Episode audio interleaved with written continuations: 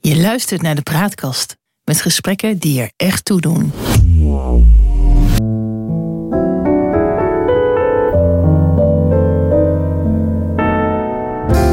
Welkom bij de Praatkast.nl. Dit is een aflevering van het Geheugenpaleis. Mijn naam is John Knierim en samen met Han van der Horst maken we deze podcast. De geschiedenis haalt zich nooit, maar rijmen doet hij vaak wel. En dat gegeven gebruiken we in het Geheugenpaleis om dieper in te gaan op de actualiteit. Zo gaan we aan de waan van de dag voorbij en bereiken we de kern van het nieuws. We scheppen orde in de maalstroom van berichten die het zicht op de grote lijn belemmeren. We ontdekken wat werkelijk belangrijk is. En tussen beiden blijkt dat de werkelijkheid vaak genoeg elke fantasie te boven gaat. Han, Poetin heeft de gaskraan eh, naar ons dichtgedraaid, maar verdient ondanks de boycott, die eh, ook wat breder is aangekondigd dan hem, meer dan ooit tevoren aan al eh, het gas wat hij exporteert. En wij hier in Nederland en in Europa, West-Europa, zitten met een enorme energiecrisis. Het lijkt er wel op dat die sancties ons veel harder raken dan, uh, dan hem. Ja, die kans is uh, ook groot. Het gaat ook op het moment economisch helemaal niet zo verschrikkelijk slecht in, in Rusland. Veel minder slecht dan de toepassers van die sancties hadden gehoopt. En laten we nou maar eens eventjes ophouden met het gebruiken van het woord sancties. Want dat is zo'n uh, ja, hoe moet ik dat nou zeggen? Zo'n soort suikerlaagje leggingswoord. Mm het is net zoals uh, de kippen, die worden niet geruimd, maar die worden bij honderdduizenden afgemaakt. Uh, als er een epidemie reikt. En wij zijn bezig met een economische oorlog tegen Rusland.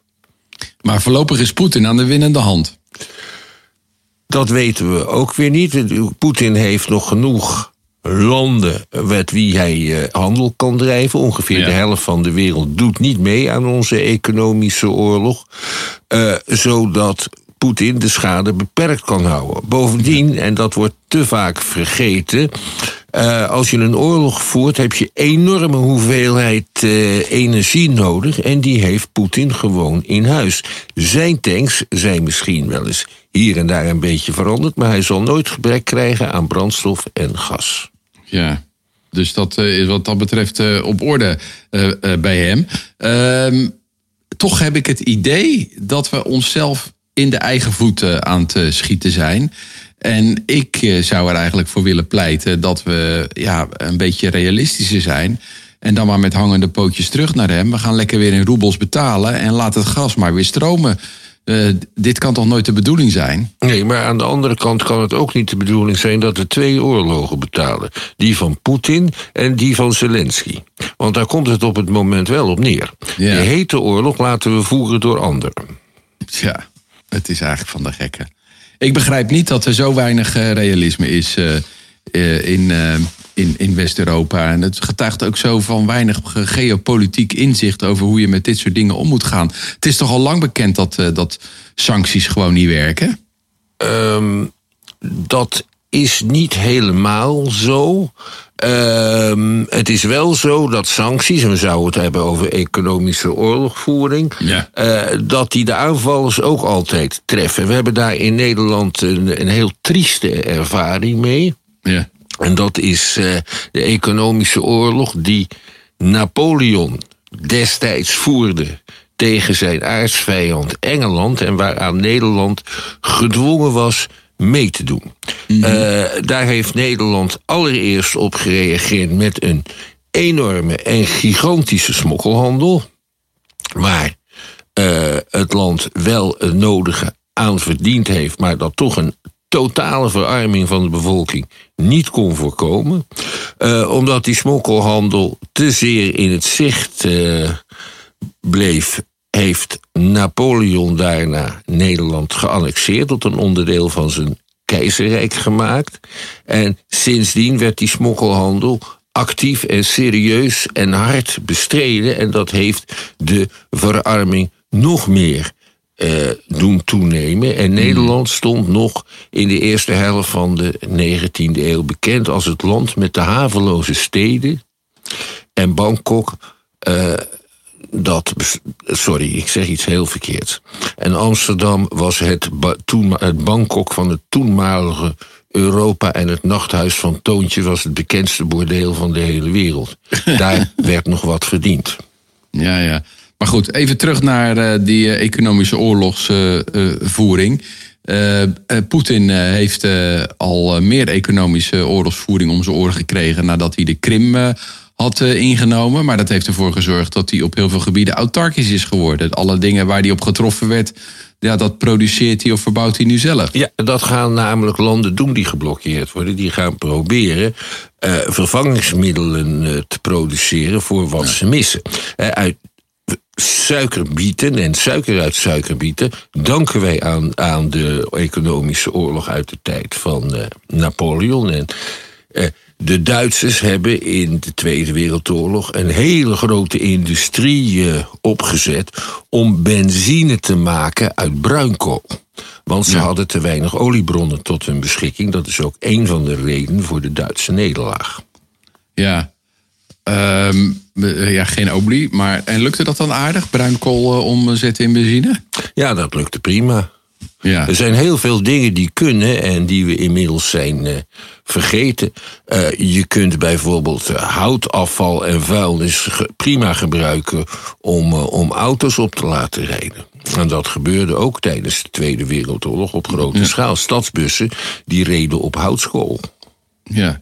En in het verleden is er ook uh, uh, in Zuid-Afrika, ten tijde van het uh, apartheid, een hele grote olieboycott volgens mij geweest. Een totale boycott. Niks een totale boy Oh, niks mocht daar meer naartoe. Niks mocht. Maar dat, dat, gebeurde ondertussen natuurlijk wel. En dat heeft er ook natuurlijk toe geleid dat Zuid-Afrika dan maar een, een, eigen manier ging vinden om. En een hele eigen industrie om te, tot ontwikkeling gingen hun eigen televisies bouwen. Dat konden ze wel, dat konden ze zelfs in Rhodesië. En ze waren in staat een atoomwapen te ontwikkelen op ja. eigen kracht. Ja. Hey, maar, maar als we nou zo'n aantal van die voorbeelden hebben, heb je ook een aantal voorbeelden waarbij het gewoon wel uiteindelijk een, een tegenstander op de knie heeft gedwongen?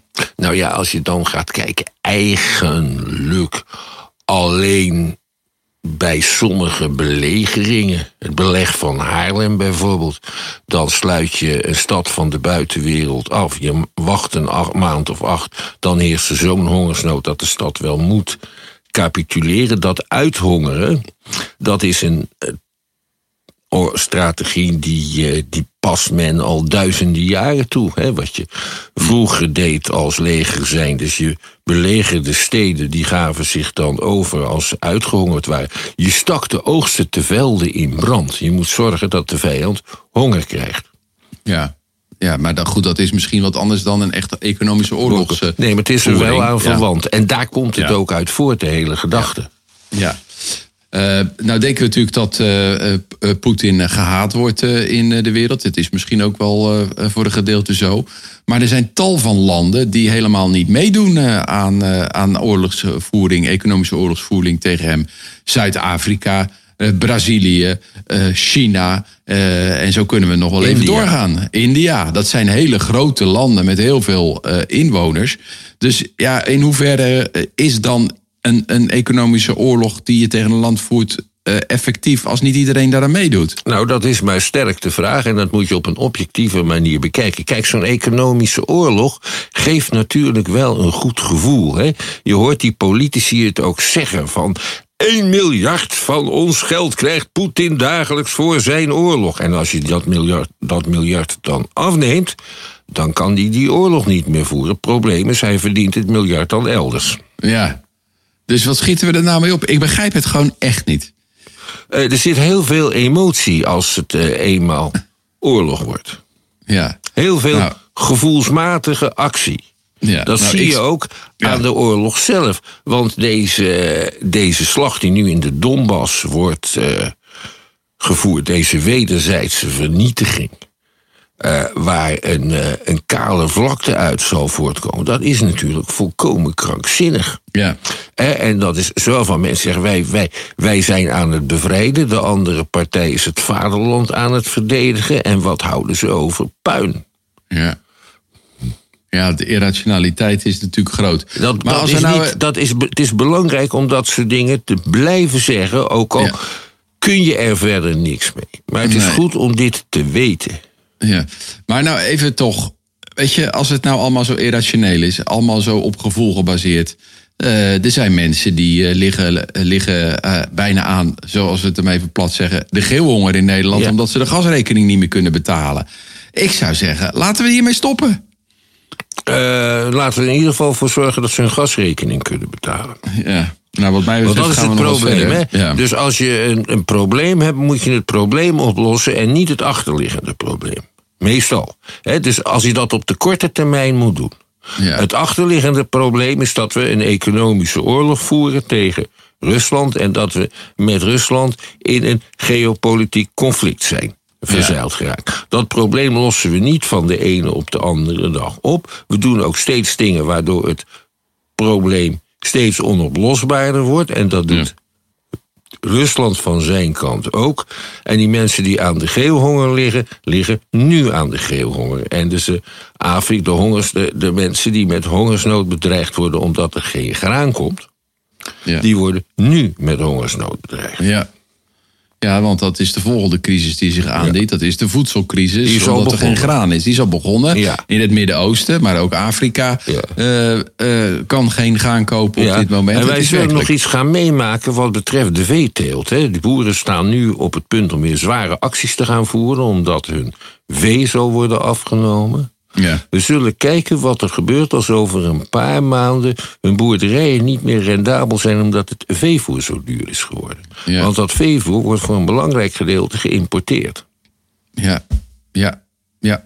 En al eerder eh, hebben we in een podcast vastgesteld dat ook eh, de kunstmest eh, heel duur is geworden of Ja. nauwelijks meer geleverd wordt. Dus, nou ja, er staat ons nog wat te wachten wat, eh, wat dat betreft. Eh, wat kunnen we eh, daarvan eigenlijk leren uit de geschiedenis? Als we nou eens beginnen met, er is straks geen gas meer, want de, Ja. de, de reserves zijn eigenlijk niet op orde. Het is te duur. Ja. Dus als we een strenge winter krijgen, wat gaat er dan gebeuren in Nederland? Ehm, stel je voor dat we een regering hadden die niet bestond uit mooi weerzeilers, zoals de regering die wij nu hebben. Ja, en die maar een beetje zit te kijken en sussen en geruststelt. En dan komt er een rapport van de Mijnraad waarin staat... we moeten misschien de Groningers gaan voorbereiden op het opnieuw aanboren van hun gas. En wij moeten onze voorraden niet met 80% typisch Hollands, hè, ruim voldoende is genoeg... maar met 100% vullen. En daar komt dan nauwelijks veel, niet veel reacties op... behalve weer geruststellende woorden. Stel je voor dat we een mee, regering ja. hadden die echt ging ingrijpen. wat gingen ze dan doen? Ja. Nou, dat is niet misselijk. Ehm, je kunt dit niet aan de markt overlaten. Want dan wordt eh, energie een luxe voor de rijken. Ja, Je hebt een beperkte hoeveelheid gas. eh, en dus een beperkte hoeveelheid elektriciteit. En die moet je onder de bevolking verdelen. Nou, moet er, nou wordt er wel verteld van nou, maar dat, de bevolking zal daar nooit last van krijgen, want eerst schakelen we het bedrijfsleven af. ja maar als, bedrijfs, als het bedrijfsleven geen energie krijgt, dan kunnen ze geen producten maken die wij wel als consumenten nodig hebben. En dus dat is- deze redenering die snap ik al niet. snap ik niet. Maar je zou bijvoorbeeld kunnen beginnen met een lockdown af te kondigen. Zoals we dat met de corona ook hebben gedaan. Want daar komt het in feite wel op neer natuurlijk. Hè, dus zeggen van alle winkels, alle, de, hele non-food sector, die sluiten. En alle lichten in winkels en kantoren moeten na zonsondergang uit. En na zonsondergang moeten die zaken ook allemaal dicht. Je hebt het bijkomende voordeel dat eh, je daarmee MKB'ers treft. En dat zijn mensen die eraan gewend zijn hun eigen problemen op te lossen. En die niet echt in staat zijn samen één lijn te trekken. Of samen iets te weigeren. Dus dat lukt wel. Daar begin Klinkt een beetje cynisch dit. Nee, maar het is wel waar. Dat is tijdens Ja. de eh, lockdowns in de coronatijd gebleken. Ja, Eh, dus je doet de theaters dicht.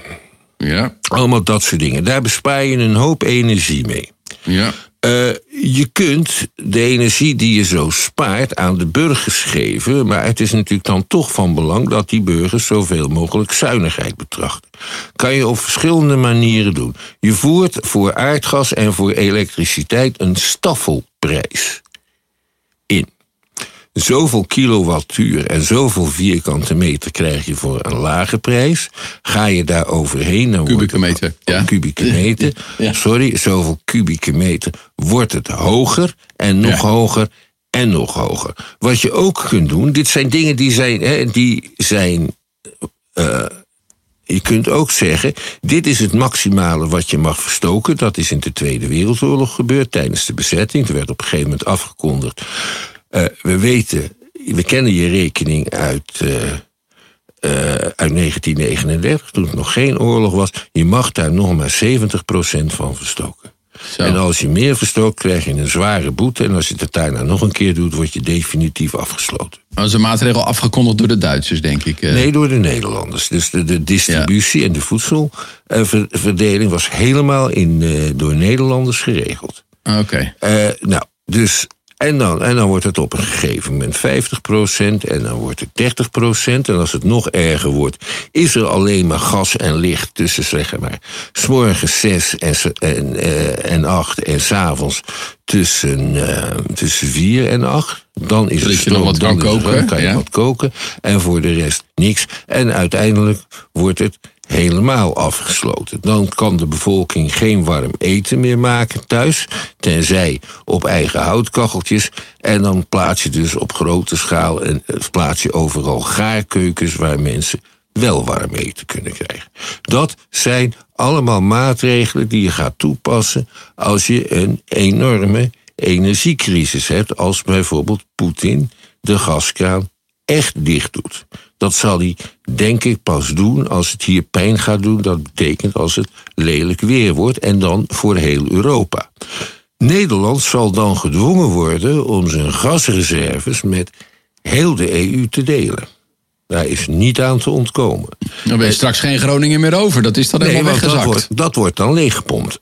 Ja. Nou, Hoeveel krijg- zit daar nog in? Eh, nou, daar zit, eh, daar zit denk ik nog een, een heleboel in. Daar kun je, het kan Europa het wel met een jaar eh, over uit, mee uitzingen natuurlijk. Je betaalt de Groningers allemaal per persoon, jonge en oud, om te beginnen 50.000 euro. En later wordt uitgerekend wat er nog meer nodig is om ervoor te zorgen dat hun huizen overeind blijven. Ja. Maar je merkt, dit zijn allemaal knalharde noodmaatregelen. Maar ze zijn allemaal toegepast. Ja. Tegelijkertijd, als ik jou zo hoor praten, dan, eh, dan, dan heb ik moeite om eh, een, een lachen te onderdrukken. Vanwege dat ik denk, ja, dit is zo absurd, dit zal toch niet gebeuren. Het is best wel realistisch misschien. In de Eerste Wereldoorlog, idem dito, dan had je iets dat heette kolennood. En kolen Ja. was verreweg de voor- voornaamste, het voornaamste, de, de grondstof waarop ze mee ze energie konden maken. Zowel verwarmen als gas, als spoorwegen, als, als heel veel industrieën. Ja. En dan had je bijvoorbeeld het probleem dat een gemeente als Vlaardingen een trein met aardappelen voor de bevolking had staan in Drenthe, maar niet aan een mo- locomotief kon komen om die te trekken. Omdat er geen, eh, geen kolen waren. Omdat er geen nee. En omdat er ook die, die locomotief was er bijvoorbeeld ook niet. Eh, dat is toch wel nauw verwant aan toestanden zoals we ze nu op Schiphol zien. Of aan het, het, het nieuws van een tijdje terug dat eh, campers niet meer te repareren zijn omdat er geen onderdelen zijn en dat ook de chassissen waarop zo'n camper gebouwd wordt, dat die niet meer leverbaar zijn. En er zijn, Ja. Dat hebben ze in Duitsland trouwens een heel mooi woord voor uit de DDR. Engpessen. Dat bepaalde essentiële onderdelen niet leverbaar zijn. En daardoor gaat een hele sector plat. Hè. Dat hebben we allemaal al gelezen over de autoproductie en het ontbreken van chips. Ja. Waardoor je geen rijdende auto's kunt maken. Is dat even jammer? Dus er zitten, zitten allerlei signaaltjes in waar we heel erg van zouden moeten schrikken, maar dat doen we liever niet. Het is alsof we collectief in een, in een soort ontkenning zitten. Dit is misschien wel zo groot dat ons brein niet in staat is om deze informatie om te zetten en daar iets mee te doen. Daar lijkt Ja, het wel op. het een is soort de- apathie. Het is de typische houding van een, eh, van een rijke bevolking.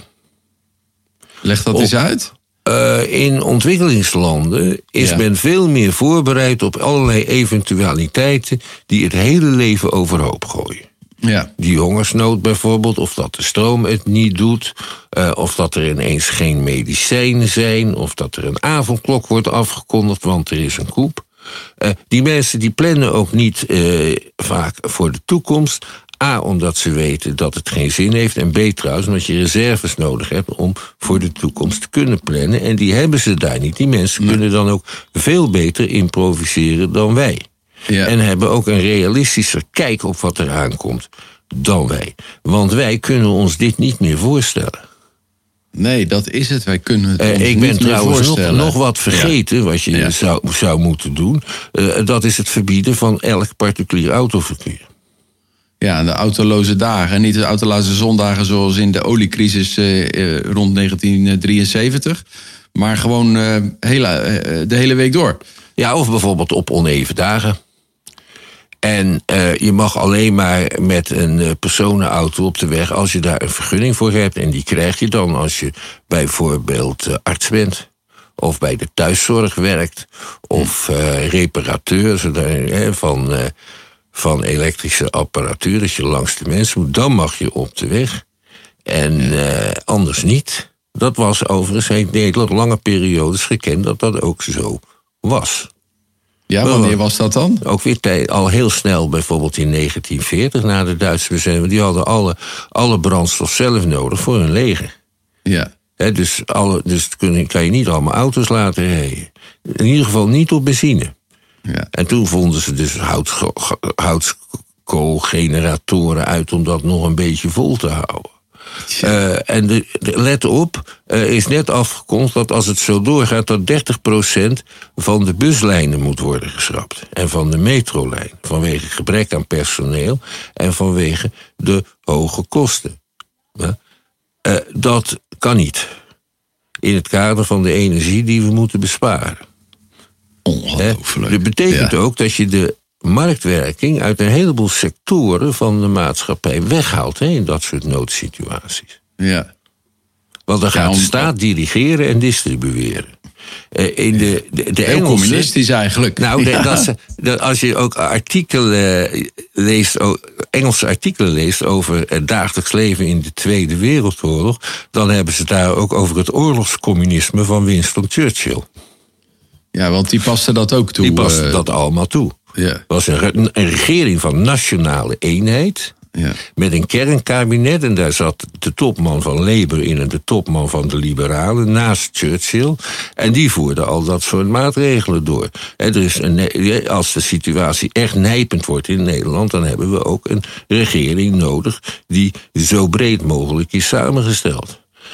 Ja. En dan kun je niet eh, hebben wat je nu hebt. Ja. Maar hoe komt het dan dat, dat, dat het huidige kabinet, maar, maar eigenlijk ook iedereen die er verstand van heeft, of meent er verstand van te hebben, dat allemaal zo aan het downplayen is? Net doen alsof het allemaal wel goed komt en het valt van mee. En het, de kans is niet zo groot dat we zonder gas komen te zitten. Waar, waar, waar, als, we het hier, als jij dat, dat zo allemaal vertelt, lijkt me dat volstrekt misplaatst allemaal. Want Dat de is kans dat het echt misgaat is echt aanwezig. Dat is het ook, maar het hoort bij de Nederlandse politiek om naar gematigde oplossingen te zoeken en te sussen en te zeggen dat het allemaal wel meevalt en dat we er met elkaar prima uit zullen komen. Ja, maar En hoe is- groot acht jij die kans dat dat echt dat het wel mee zal vallen dan? Ik denk dat het niet mee zal vallen. Ik denk dat wat ik aan het vertellen ben, eh, dat het zover niet zal komen. Maar ik denk wel dat er maatregelen zullen moeten komen. Ja. die hier wel het een en ander van weg hebben. En als dat niet gebeurt, dan sta- ontstaat er grote sociale onrust. En je moet ook beseffen dat het doel van Poetin nu is met eh, zijn maatregelen. Hij kan ook economische oorlog voeren. Ja. En dat, doet hij, dat gaat hij dus doen op de momenten dat het het meeste pijn doet.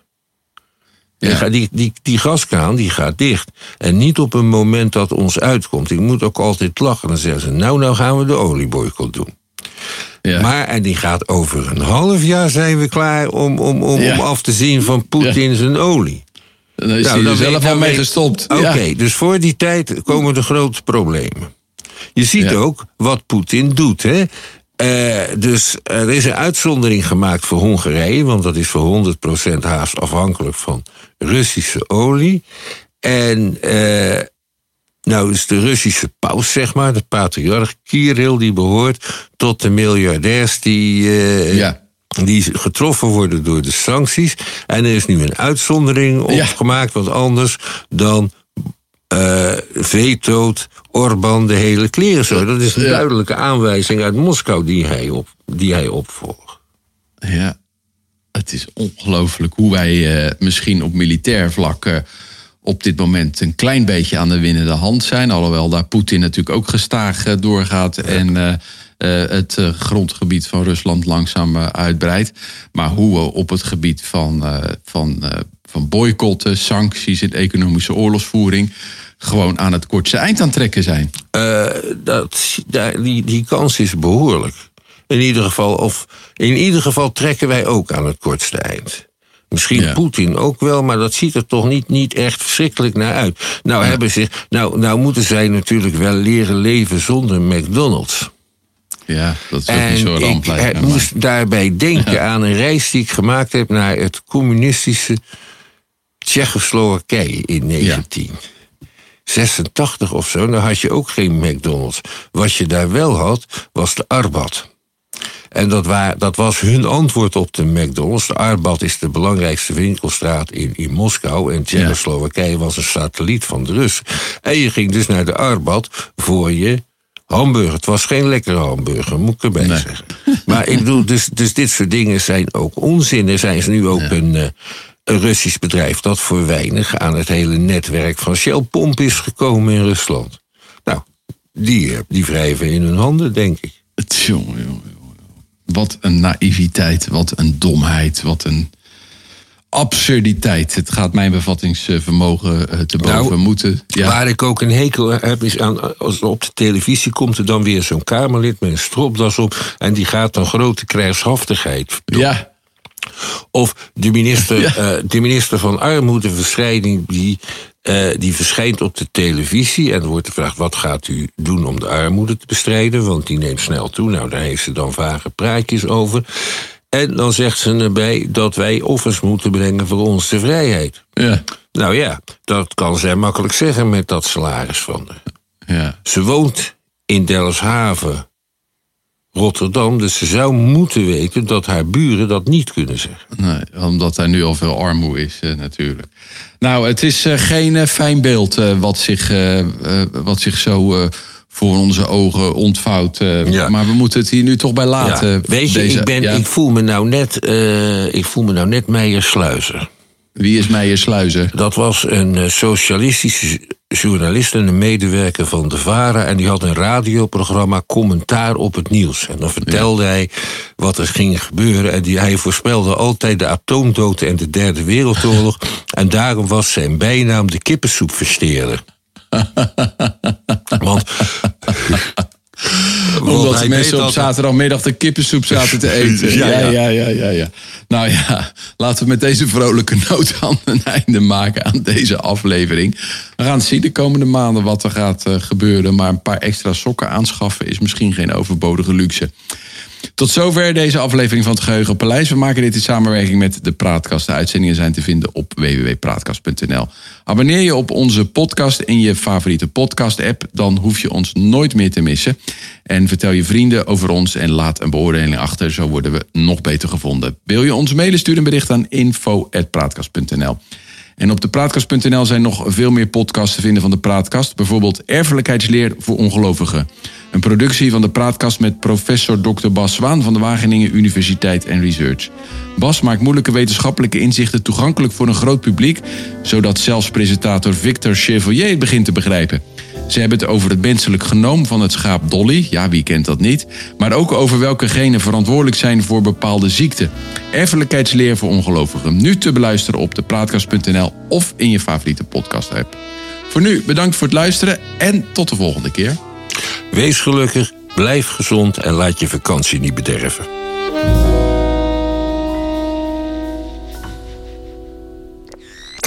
De praatkast